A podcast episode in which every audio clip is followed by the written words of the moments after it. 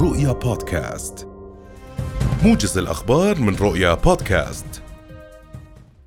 بدأ اليوم تدريس الطلبة للفصل الدراسي الأول في الجامعات الرسمية بحسب ما أعلن مجلس التعليم العالي. وتم تحديد تاريخ بدء التدريس للعام الجامعي الحالي لتوحيد التقويم الجامعي في مؤسسات التعليم العالي الأردنية. كما سيبدأ الدوام في الجامعات الخاصة اليوم على أن يبدأ تدريس الطلبة يوم الأحد المقبل.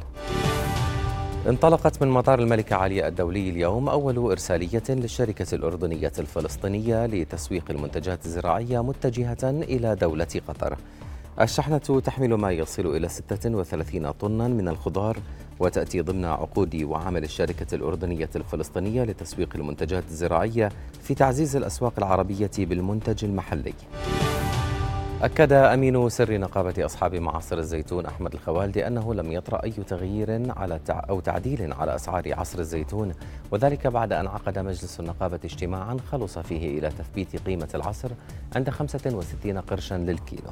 وتوقع الخوالدي أن يكون هناك أيضا ثبات في سعر تنكة الزيت لهذا العام بحدود 80 إلى 85 دينارا وقد تصل إلى 90 دينارا في ذروة الموسم لتعاود الانخفاض مع نهاية العام الجاري.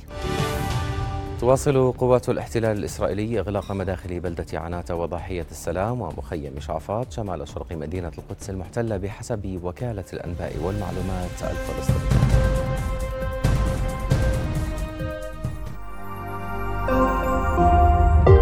رؤيا بودكاست